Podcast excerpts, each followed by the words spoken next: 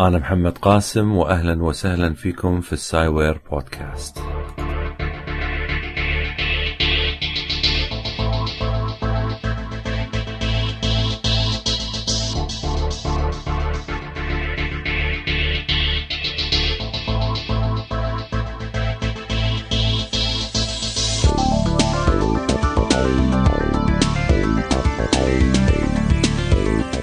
البودكاست هذا راح يتناول العلم والتكنولوجيا.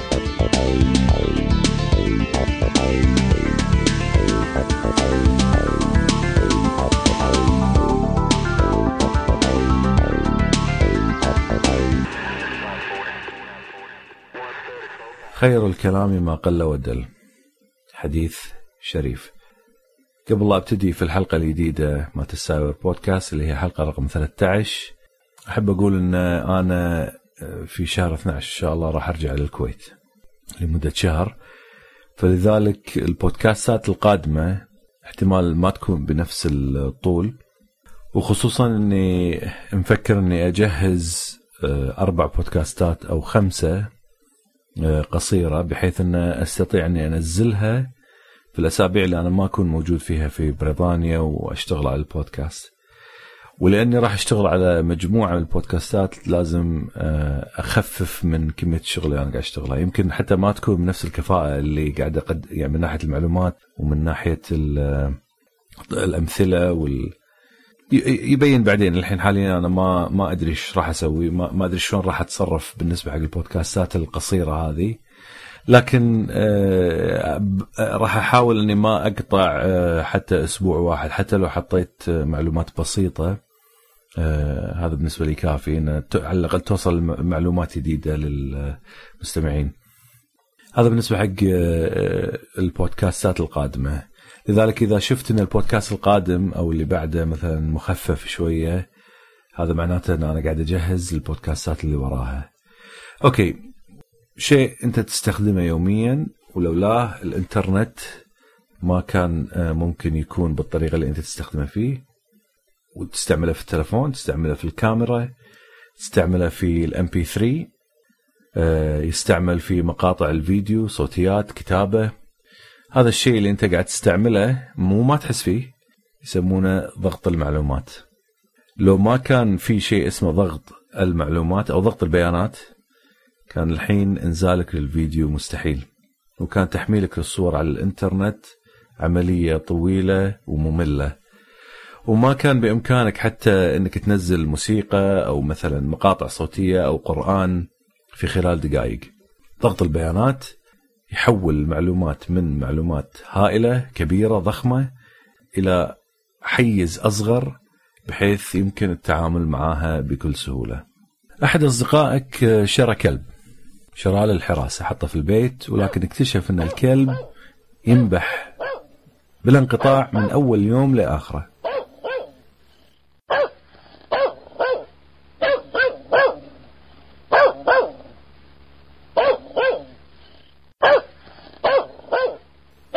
طول اليوم من الساعة ست صباحا لحد الساعة عشر مساء.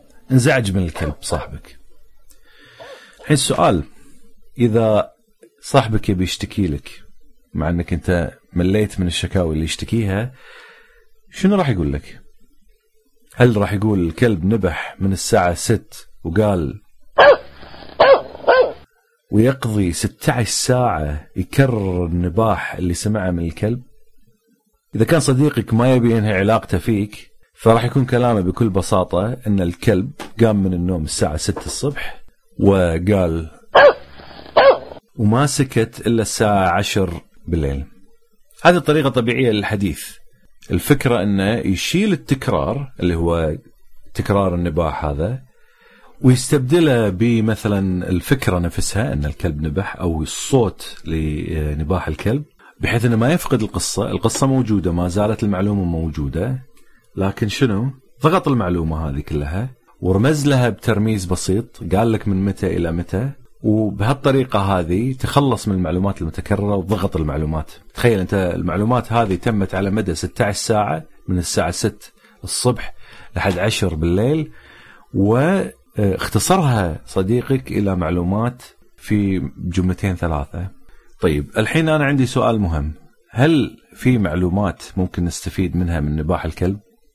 يعني الصديق هذا صديقك اشترى الكلب حتى يحرسه، لكن هل استفاد من النباح ولا لا؟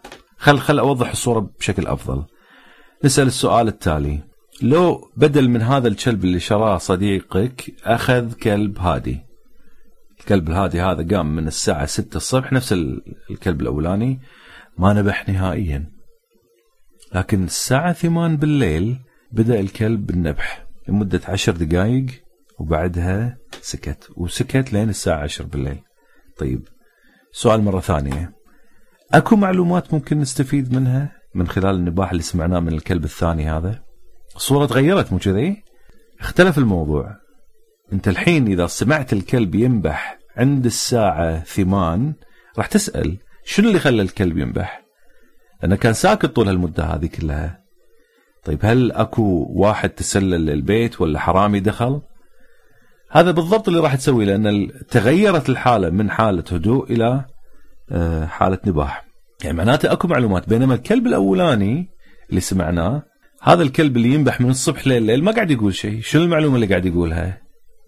يعني شنو يفرق إنه دخل حرامي داخل البيت ولا ما دخل؟ لأنه ما راح تعرف. العملية ما فيها معلومات. أوكي الحين لاحظ. إذا صديقك يبي يقول لك القصة هذه نفسها اللي صارت مع الكلب الجديد هذا. شنو يقول لك؟ يقول لك الكلب قام من النوم الساعة 6 الصبح ما نبح. تقريبا الساعة 8 نبح الكلب بعدين توقف الساعة 8 و10 وسكت لين الساعة 10 بالليل. طيب لاحظت شيء لاحظت في الجملتين الجملة الأولى اللي كان فيها صديقك يكلمك عن الكلب الأولاني والجملة الثانية اللي يكلمك فيها عن الكلب الثاني أنا حطيت هالجملتين هذيل على الموقع تكريف اللي هو موقع السايوير ال blog عشان تشوف الفرق بين الجملتين. الفرق إن الجملة الأولى أقصر من الجملة الثانية. شو اللي صار بالضبط؟ هذه ترى نقطة وايد وايد مهمة. الفكرة انه شنو؟ انه بما إن المعلومات أكو معلومات موجودة في الكلب الثاني في نباح الكلب الثاني لذلك من الصعب عليك تختصره اختصار مثل ما تختصر شيء في معلومات أقل. وايد وايد هذه النقطة حساسة. هذه الفكرة هي الفكرة اللي انبنت عليها فكرة ضغط المعلومات؟ هذه الف... طبعا أسست طريقة لقياس المعلومات في البيانات في بيانات في المعلومات نفسها. والمؤسس لهذه الفكرة كان كلود شانن. كلود شانن يسمونه أب نظرية المعلومات.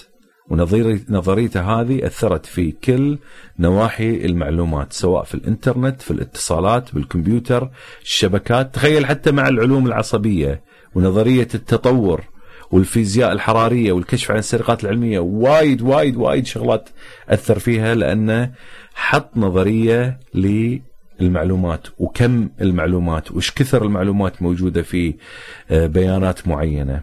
ومن هذا استطاع آه، العلماء أن يأسسون قضية ضغط المعلومات وأنا تخصصت في ضغط المعلومات بالأخص في الصور والفيديو آه، أثناء ما كنت أدرس الماجستير ولذلك أنا حبيت أحط الفكرة هذه بحيث تشوفها تفهمها لأن أنت قاعد تتعامل وياها يوميا وحبيتك تعرف شنو شنو ضغط المعلومات وشنو الاستخدامات اللي أنت قاعد تستخدمها فيها من غير ما تحس.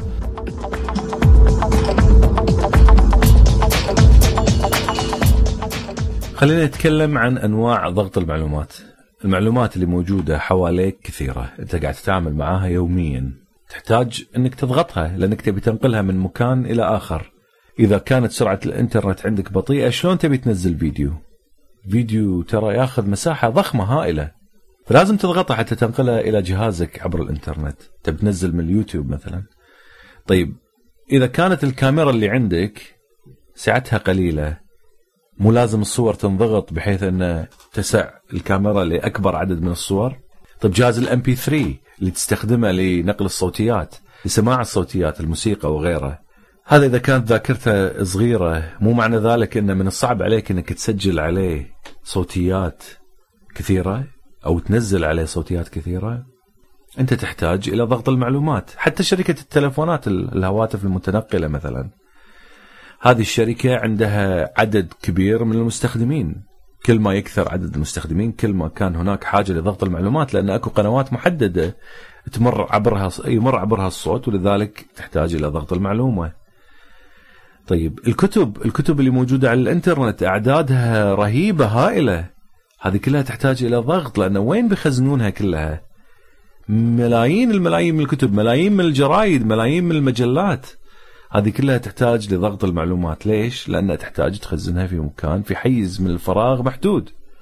والهدف الأساسي من ضغط المعلومات بعد ما تضغطها إن لما الطرف الآخر يستقبلها لازم يكون أكو طريقة لاسترجاع المعلومة بعد ضغطها.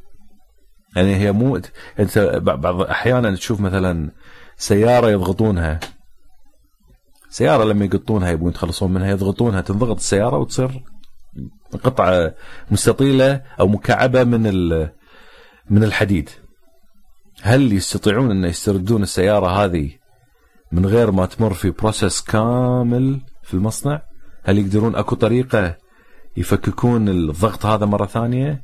المعلومات تختلف. أنت المعلومات هذه لما تضغطها تستقبلها بالطرف الثاني أنت تبي تفكك المعلومة هذه مرة ثانية أو تفك الضغط هذا مرة ثانية.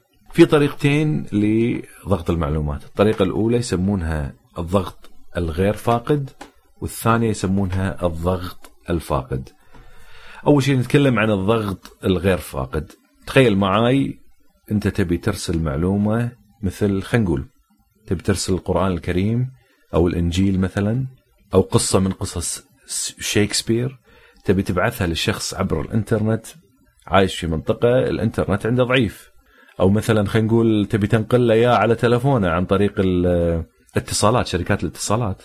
الإنترنت عادة يكون أوكي الحين شوي زادت السرعة لكن تبي تنقل خلينا نقول ملف كبير والملف هذا أنت ما تبي تأثر عليه. مثلا القرآن لما تضغط المعلومة مالت القرآن مثلا القرآن نفسه تضغط المعلومات اللي فيه وتدزها للطرف الثاني أنت لما توقعاتك إنه لما يستقبل القرآن بالطرف الثاني أو الإنجيل أو القصة مالت شكسبير توقع أن القصة هذه أو القرآن أو الإنجيل يرجع إلى وضعه الطبيعي. ما تبي تنقص حتى مقدار حرف واحد لأن هذا يأثر.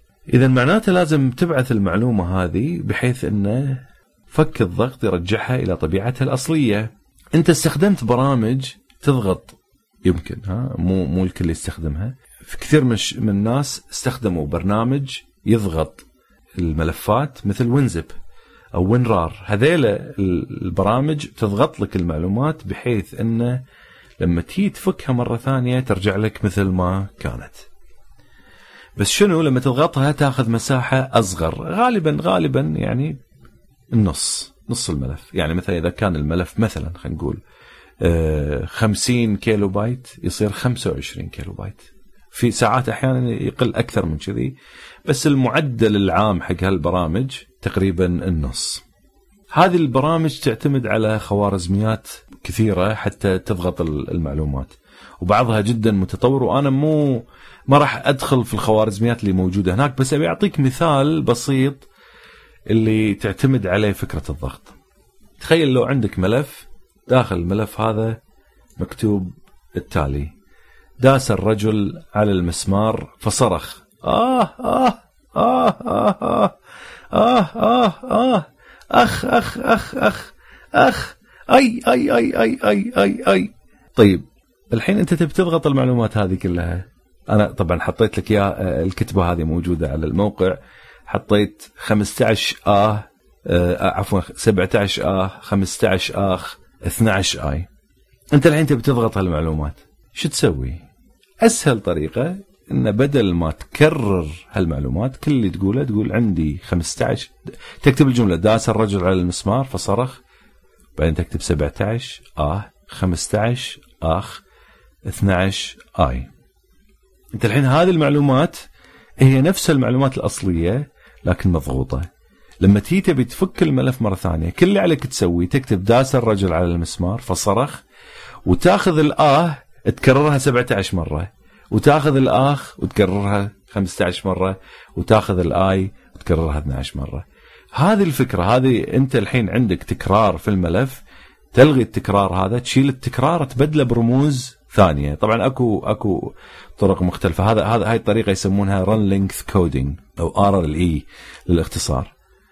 وأكو آه، العشرات من الطرق لضغط المعلومات موجودة في المجلات العلمية ومستخدمة ويمكن من من أقوى البرامج اللي تضغط المعلومات ضغط غير آه، فاقد اللي هي يسمونه WinRAR هذا مشهور آه، كان طبعا في البداية WinZip اللي هو ماسك الشغلة هذه بشكل تمام لكن التغير صار لما طلع وينرار لأنه استخدم في داخله واحدة من الخوارزميات الجديدة الممتازة الرائعة طلعت بالأخير. وفعلا حققت يعني باستخدام الوينرار تستطيع إنك تختصر المعلومات بشكل أكبر. أوكي مثال مثال ثاني على الاختصار خير الكلام ما قل ودل.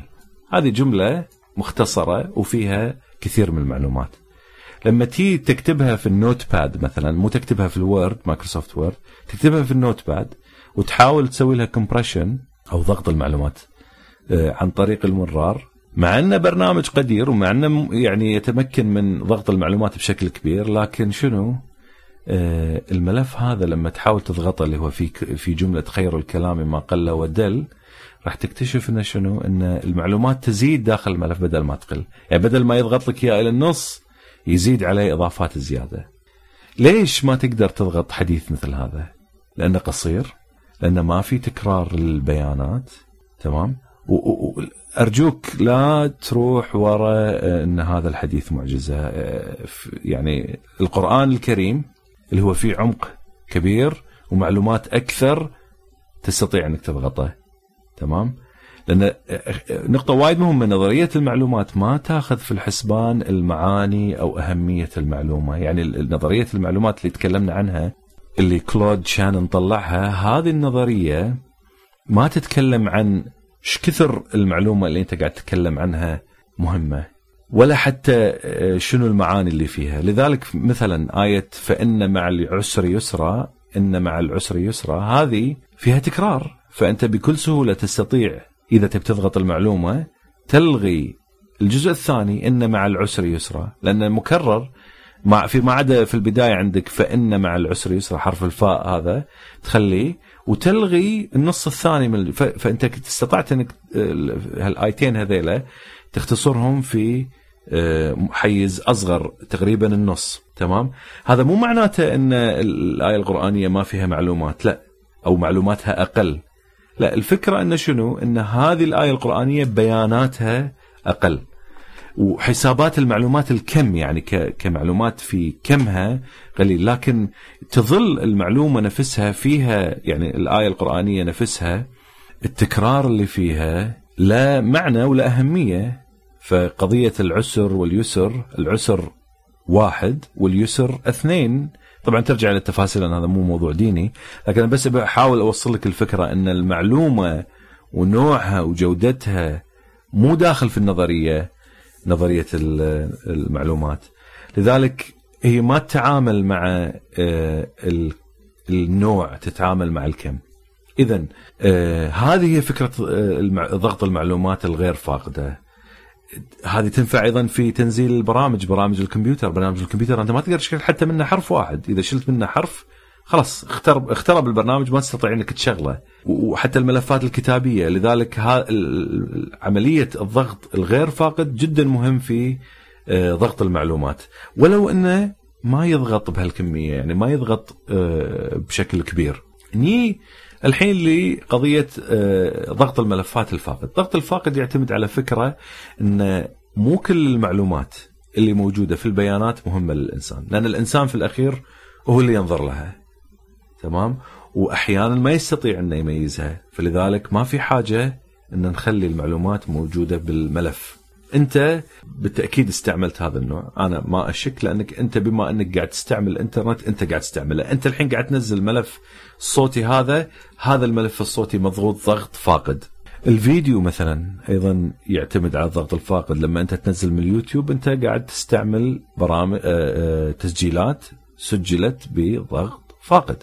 الصور اللي انت تنزلها من الانترنت أحيانا تلاقي بعضها نوع يسمونه JPEG أو تشوف الثلاث الحروف الأخيرة مالته JPG هذه الحروف دليل على أن هذه الصورة حفظت بطريقة بحيث انه تكون مضغوطة ضغط فاقد يعني فقدت بعض المعلومات اللي فيها. أنا حطيت صور على الموقع مالي اللي هو موقع المدونة مالت السايوير هذه الصور الأولى مخزنة خل أقول الحين بين قوسين على شكلها الحقيقي الأصلي الأولاني من غير ضغط ولو إنها مضغوطة بس ضغط غير فاقد عشان تشوف الأصلية لما تجيلك بعدين الصورة اللي وراها ضغطتها ضغط يسمونه JPEG اللي هو ضغط فاقد. فراح تلاحظ في فروقات تلاحظ إن الصورة تبدأ شوية يصير فيها خلل. تمام؟ أنا الصورة هذه حق طير يسمونها toucan. الحين هذا الضغط قلل المعلومات وفقد بعض مميزات الصورة. زين الصورة الثالثة اللي وراها أيضا نفس الشيء لما تلاحظها راح تشوف إنه شنو؟ الصورة أيضا خزنتها أنا على ال JPEG لكن quality أقل بعد. تمام؟ جودة أقل. فشو يصير؟ راح تلاحظ إن الصورة تبدأ تبين فيها مربعات صغيرة. هذه المربعات هي اللي شوية تشوه شكل الصورة بشكل عام. شنو الفكرة اللي موجودة في الضغط الفاقد؟ إن أنت تنقص من الصورة بعض المعلومات اللي موجودة فيها لكن المضمون ما زال موجود. يمكن أنت لما تروح على اليوتيوب وتنزل لقطة بالفيديو راح تلاحظ هذا الشيء. الصورة اللي قاعد تشوفها الكواليتي أو الجودة مالتها أقل. أقل من الأصل. يعني الشخص اللي سجل الفيديو هذا أص... بالأصل بالأساس الصورة غالبا تكون أوضح من اللي قاعد يحطه لك على الإنترنت. تمام؟ واحيانا حتى يخففون الجودة أكثر. ليش؟ لأن كل ما خففوا الجودة كل ما الملف صار أصغر. وهذا هو الهدف إنك قاعد تضغط المعلومة بحيث إن الشخص على الطرف الثاني يستطيع إنه ينزلها. فهاي الفكرة. أنت أنت قاعد تفقد بعض المعلومات لكن فقدانك للمعلومات أعطاك الميزة أن صغرت الملف. أوكي على شنو يعتمد هذا النوع من الضغط؟ هذا يعتمد على أن أحيانا مخك ما يستطيع انه يميز بعض المعلومات اللي موجودة في الصورة أو أصلا ما يكترث لها. آه، يعني مثلا تخيل معي لو أنا قاعد أصور صورة باستخدام كاميرا كلش دقيقة وال يعني تطلع لك الصورة بتفاصيلها وصورت صورة للشمس وأمام الشمس أكو طير قاعد يطير. نقطة صغيرة أمام الشمس. يعني الشمس هذه خو تغطي يعني نورها شديد قوي يغطي هذه النقطة الصغيرة. طيب الحين أنا لما أطالع هذه الصورة هل هذه معلومة بالنسبة لي إن الطير قاعد يطير أمام الشمس؟ ومو واضح أصلا من كثر قوة نور الشمس ما ما يبين بالنسبة للعين. الكاميرا تستطيع ان تصيد هالمعلومة هذه لكن عينك ما تقدر تشوفها. لذلك لما تخزن الصورة تلغى بعض الأشياء اللي طيب هذا يمكن مثال مو واضح. أعطيك إياها بشكل أوضح. الصوتيات. الصوتيات الإنسان كثير من الأصوات ما يستطيع مثلا على فرض أنت الحين قاعد تسجل عندك ميكروفون وقاعد تسجل صوت في طيارة اثنين قاعد يتكلمون وعندك صوت الطيارة مغطي على صوتهم. مو معناته أن الصوت مو موجود صوت الأثنين اللي قاعد يتخاطبون مو معناته أنه مو موجود لكن صوت الطيارة يغطي على الاثنين. فلذلك شنو؟ انت لما تسجل الميكروفون يلتقط ويخزن هذه المعلومات والداتا تكون موجودة لكن شو المشكلة؟ المشكلة إن أنت ما تستطيع تسمعها. طيب ليش تخلي هالمعلومة داخل الملف إذا أنت ما تستطيع تسمعها؟ فذلك تشيلها أو تخفف منها بحيث إنه شنو؟ بحيث إنها تستطيع ان تخزنها في ملف أصغر. عالم الصوتيات بالذات عالم الصوتيات يمكن آه، يعني فعلا شيء فظيع يعني. يستخدمون شيء يسمونه psychoacoustics أو علم الصوت الصوتيات النفسي. هذا يختص في إدراك الإنسان للأصوات اللي يسمعها ولها مجموعة من القواعد اللي استغلوها وحطوها داخل برمجة ال MP3 هذه برمجة البرامج اللي تضغط حق ال MP3 ولما لما تضغط الصوت تحوله من ملف هائل ضخم وتخزنه لك على ملف كلش صغير. حتى تسجيلي للبودكاست هذا اللي أنت قاعد تسمعه حاليا لما أنا أسجله بال raw form format الملف الأصلي ماله عادة يكون ضخم فاحوله شنو إلى آه، ملف MP3 وحتى ملف ال MP3 أنت تقدر تتحكم في جودة المعلومات اللي موجودة داخل أو حجم الملف. كل ما قلت الجودة كل ما كان حجم الملف أقل وكل ما زادت الجودة كل ما كان حجم الملف أكبر. ليش؟ لأن الام بي 3 بإمكانه إنه يلغي معلومات أكثر. فلذلك آه، كل ما ألغى معلومات كل ما قلت جودة الملف اللي أنت قاعد تسجله. فأنا أحيانا لما أحط الملفات على الإنترنت أحيانا تشوفها كبيرة أحيانا تشوفها صغيرة على حسب الجودة مالتها. وأنا قاعد أحاول إني أتحكم بهذا الشيء بحيث ان اكون يعني في حل وسط حق الموضوع هذا. أبي هم أحافظ على الجودة وفي نفس الوقت أبي يكون الملف آه، صغير ومناسب بحيث أن إنزاله ما يكون آه، متعب آه، انتظار الإنزال يكون متعب وطويل. قارن مثلا الصوتيات الأغاني مثلا الحين الأغاني اللي موجودة على السي دي كم أغنية السي دي يقدر ياخذ؟ 20 أغنية تقريبا يعني ممكن من 18 إلى 25 أغنية طيب لو حولت الأغاني هذه إلى MP3 وهيت وحطيتها على السي دي كم أغنية تتوقع تستطيع إنك تخزن على السي دي؟ 150 أغنية تقريبا. طيب لما تسمع الفرق بين ال MP3 وال CD تحس بالفرق؟ أغلب الناس ترى ما يحسون. في ناس عندهم أذن حساسة جدا تستطيع تميز. لكن كثير من الناس ما يستطيعون يميزون وهذا اللي نجح يعني الحين أغلب الصوتيات اللي انت قاعد تنزلها كلها ام بي 3 لك ما تحس في الفرق بين الصوتين لأن آه، آه، علم ضغط المعلومات يعني فعلا وصل إلى مرحلة إنه يضغط المعلومات بشكل رهيب وبطريقة يعني دقيقة بحيث إنه ما يحسسك هذا الإحساس. فهذه الفكرة مالت آه، ضغط المعلومات. حتى على التلفون انت لما تتكلم على التلفون مع شخص ثاني انت لما تسمع الصوت الحقيقي ماله يختلف عن الصوت اللي قاعد تسمعه على التلفون. ليش؟ شو اللي صاير؟ كثير من الأصوات اللي خارج التردد المحادثة هاي كلها تنلغي. لأن أنت ما أهم شيء شنو؟ الحفاظ على المضمون مال المعلومة اللي قاعد تنتقل لك عبر التلفون. مهم هذا. وفي نفس الوقت المشاعر اللي يعبر عنها الشخص. تبي حتى على فكرة حتى ابتسامتك راح تبين على التلفون. إذا الشخص ابتسم وتكلم هذه المشاعر راح تبين على التلفون الطرف الثاني يقدر يحس فيها. تمام؟ فهذا مهم إنه يحتفظ فيه في خلال آه، لما ينقلون الصوت. بس مع ذلك يسوون له شيء يسمونه speech coding بحيث إنه يرمزون المحادثة هذه تترمز يصير لها ترميز بحيث إنه يقل حجم الملفات أو الصوتيات اللي قاعد تنقل آه، تبث عن طريق التلفونات النقالة.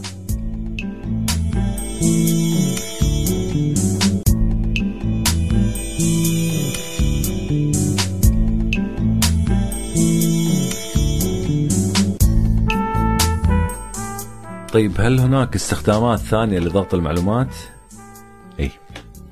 واحدة من الأشياء اللي تستخدم يستخدم فيها ضغط المعلومات هو الكشف عن السرقة الفكرية. أنت يمكن قريت في خبر على الجريدة مثلا أو سمعت أو ما أشبه عن دكتور يسرق من ورقة علمية وينسب المعلومات اللي فيها لنفسه هذه مصيبة طبعا وتعد جريمة في العالم العلمي وأنا كنت أكلم الدكتور اللي أنا اللي يشرف علي في الجامعة فقال لي إن لما يكون عندهم طالب يكتب بحث علمي ويقدمه للدكتور سواء كان دكتور آه، في الدكتوراه أو في الماجستير أو في البكالوريوس اللي يسوونه عادة إن يأخذون البحث يحطونه في الإنترنت عن طريق برنامج وهذا البرنامج يطالع الورقة هذه ويقارنها في أوراق ثانية موجودة على الإنترنت ويتحقق من من من إذا كانت هذه المعلومة مسروقة أو لا. سواء جزء من الورقة هذه أو الورقة كلها.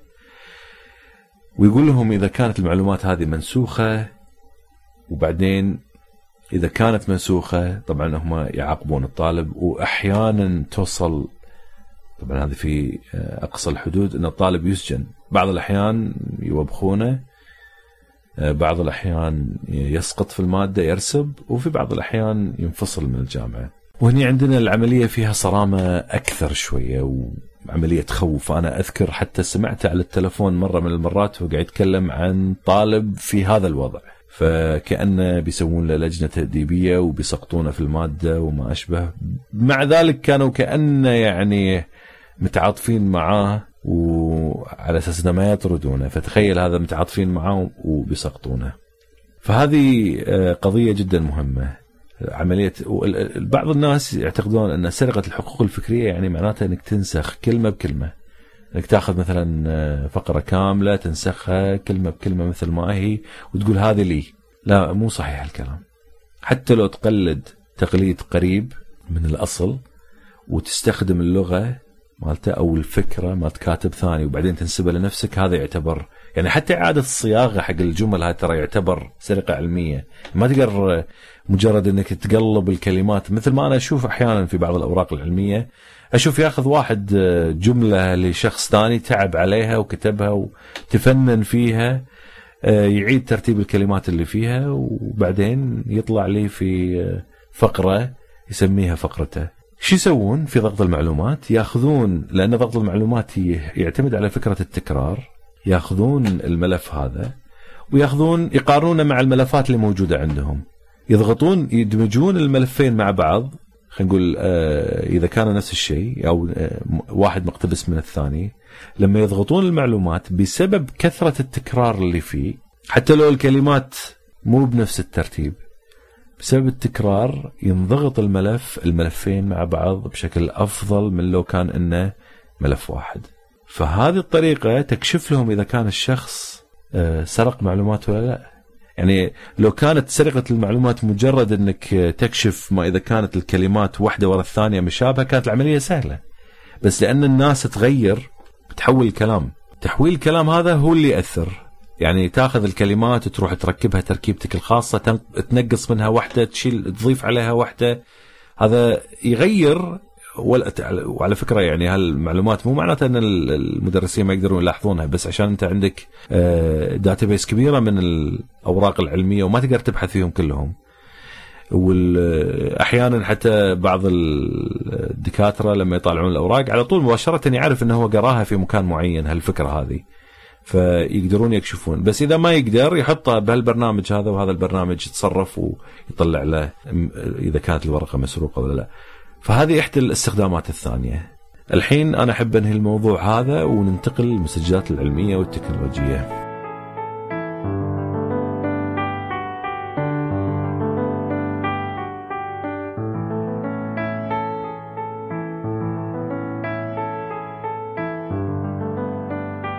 في الخبر الأول آه، سجلوا البي بي سي طائر الطنان وهو يطير آه، بشكل بطيء. بس بصراحة آه، فعلا تصوير رائع. ذكر الطائر الطنان يرقص يطير ويسوي رقصة لجذب الأنثى. بس رقصته تتأثر بذيلة الجميل. ذيل طويل يتأثر فيتعب أثناء الطيران وهذه يعني بالنسبة له جدا مهم لأنه يبي يجذب الأنثى في وقت التزاوج هذا. فالسؤال هو هل تقبل الأنثى ولا ترفضه؟ فروح طالع اللقطة هذه أنا حطيت لك لينك تستطيع إنك تشوف اللقطة هذه.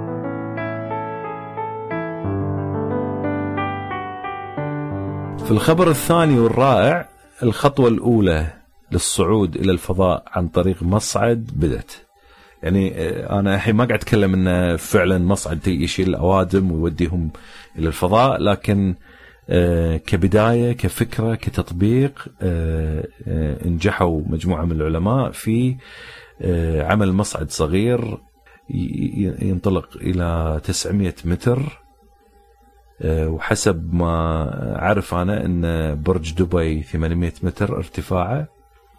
فتخيل معاي أنت هذا المصعد صعد آه، أعلى من برج دبي تقريبا هاي الفكرة مثل المصعد أشهرها أو شهرها آه، الكاتب آرثر سي كلارك اللي أنا ذكرته في إحدى البودكاستات وهي الفكرة إنه بدل ما نستخدم صواريخ بطاقه كبيرة جدا لنقل الناس إلى الفضاء الخارجي نستطيع أن ننقلهم إلى الفضاء عن طريق المصعد الكهربائي. ونقطة وايد وايد مهمة بالنسبة حق هذا الموضوع بالذات. الفكرة مالت المصعد ما يبون مشكلة أنت الحين إذا عندك كيبل من هني إلى الفضاء وتبي تنقل عليه آه، ناس. الكيبل هذا لازم تحط له وايرات وتوصل تمدد كهرباء وما كهرباء فالعملية مو سهلة. فواحدة من الشغلات الأساسية في وكان في مقدمين يعني جائزة للشخص اللي يقوم بهالعملية وكانت قيمة الجائزة المفروض تكون مليونين دولار. الفكرة الأساسية إن شلون تنقل الطاقة؟ واحدة منهم انه تستخدم الليزر وفعلا استخدموا الليزر لنقل الطاقة من الأرض من سطح الأرض إلى المصعد الكهربائي. أه ونجحت التجربة. طبعا الشيء الوحيد اللي كانت عندهم مشكلة فيه هي سرعة أه، صعود هذا المصعد إلى السماء. فالمفروض هم كانوا يبون 5 متر في الثانية آه هذا المصعد ما أذكر يعني حوالي تقريبا اثنين ونص أو شيء من هذا متر في الثانية. فربحوا 900 ألف آه دولار مبلغ كبير. بس الفكرة مالته إن استفادوا من الضجة الإعلامية اللي صارت من وراه والحين أي شخص يبي ينقل طاقة من مكان إلى مكان ثاني مكان بعيد يستطيع من غير وايرات يستطيع أن ينقلها عن طريق الليزر. وهذه الخطوة الأولى إن شاء الله آه، في المستقبل تمكن العلماء من فعلا يخففون من الأعباء اللي تصير في انطلاق الصاروخ آه، عن طريق انطلاق الصاروخ ويستخدمون المصعد الكهربائي. في الخبر الأخير وهو خبر آه، جدا غريب بالنسبة لي يقول لك أن الرضع اللي يولدون توهم مولودين يبكون بلهجة أمهاتهم. دراسة آه، قام فيها العلماء علماء ألمان بينت أن الرضع يتعلمون لهجة الأم في خلال فترة الحمل. ولذلك لما يطلعون من بطون أمهاتهم يبكون البكاء اللي يبكونه هذا آه، نفس على نفس الطريقة اللي آه، تتكلم فيه الأم اللهجة هذه الصوت. فلذلك وهذا يقوي العلاقة بين الرضيع وأمه. والرابط اللي أنا حطيت لك إياه تستطيع إنك تشوف آه، أو عفوا تسمع الصوت للرضع وهم يبكون باللهجة الألمانية وباللهجة الفرنسية. وأذكركم آخر شيء إن تروحون على الموقع techrave.spaces.live.com علشان تشوفون الكتابة هذه كلها للموضوع. ومرة ثانية أقول لكم شاركوا في الآيتونز أه وإلا أه إذا ما شاركتوا أهد عليكم أه الكلب اللي عندي. وفي الأخير أذكركم أيضا إن أنا عندي صفحة على الفيسبوك تستطيع تكون آه، من المعجبين آه، المعجبين بين قوسين يعني مو عشان تفكر إن أنا قاعد أدور على معجبين. هي الفكرة انه ساعات أحط عليها أخبار وتستطيع تستفيد منها. وأيضا أتكلم عن البودكاست شنو قاعد أحيانا أقول شنو بسوي في الحلقة اللي آه، وراها. وتستطيع تتابعني حتى على التويتر. أنا حطيت أيضا الموقع التويتر موجود أيضا على ساور بودكاست ال blog اللي أنا أكتبه. فتابعني من خلال هذا كله وأشوفكم إن شاء الله في المرة الجاية. وإن شاء الله أشوف إذا آه، أحاول أسويها حلقة طويلة. ما قدرت تكون مختصرة عشان أرتب حق الحلقات اللي راح تكون آه، أثناء وجودي في الكويت. أشوفكم إن شاء الله. مع السلامة.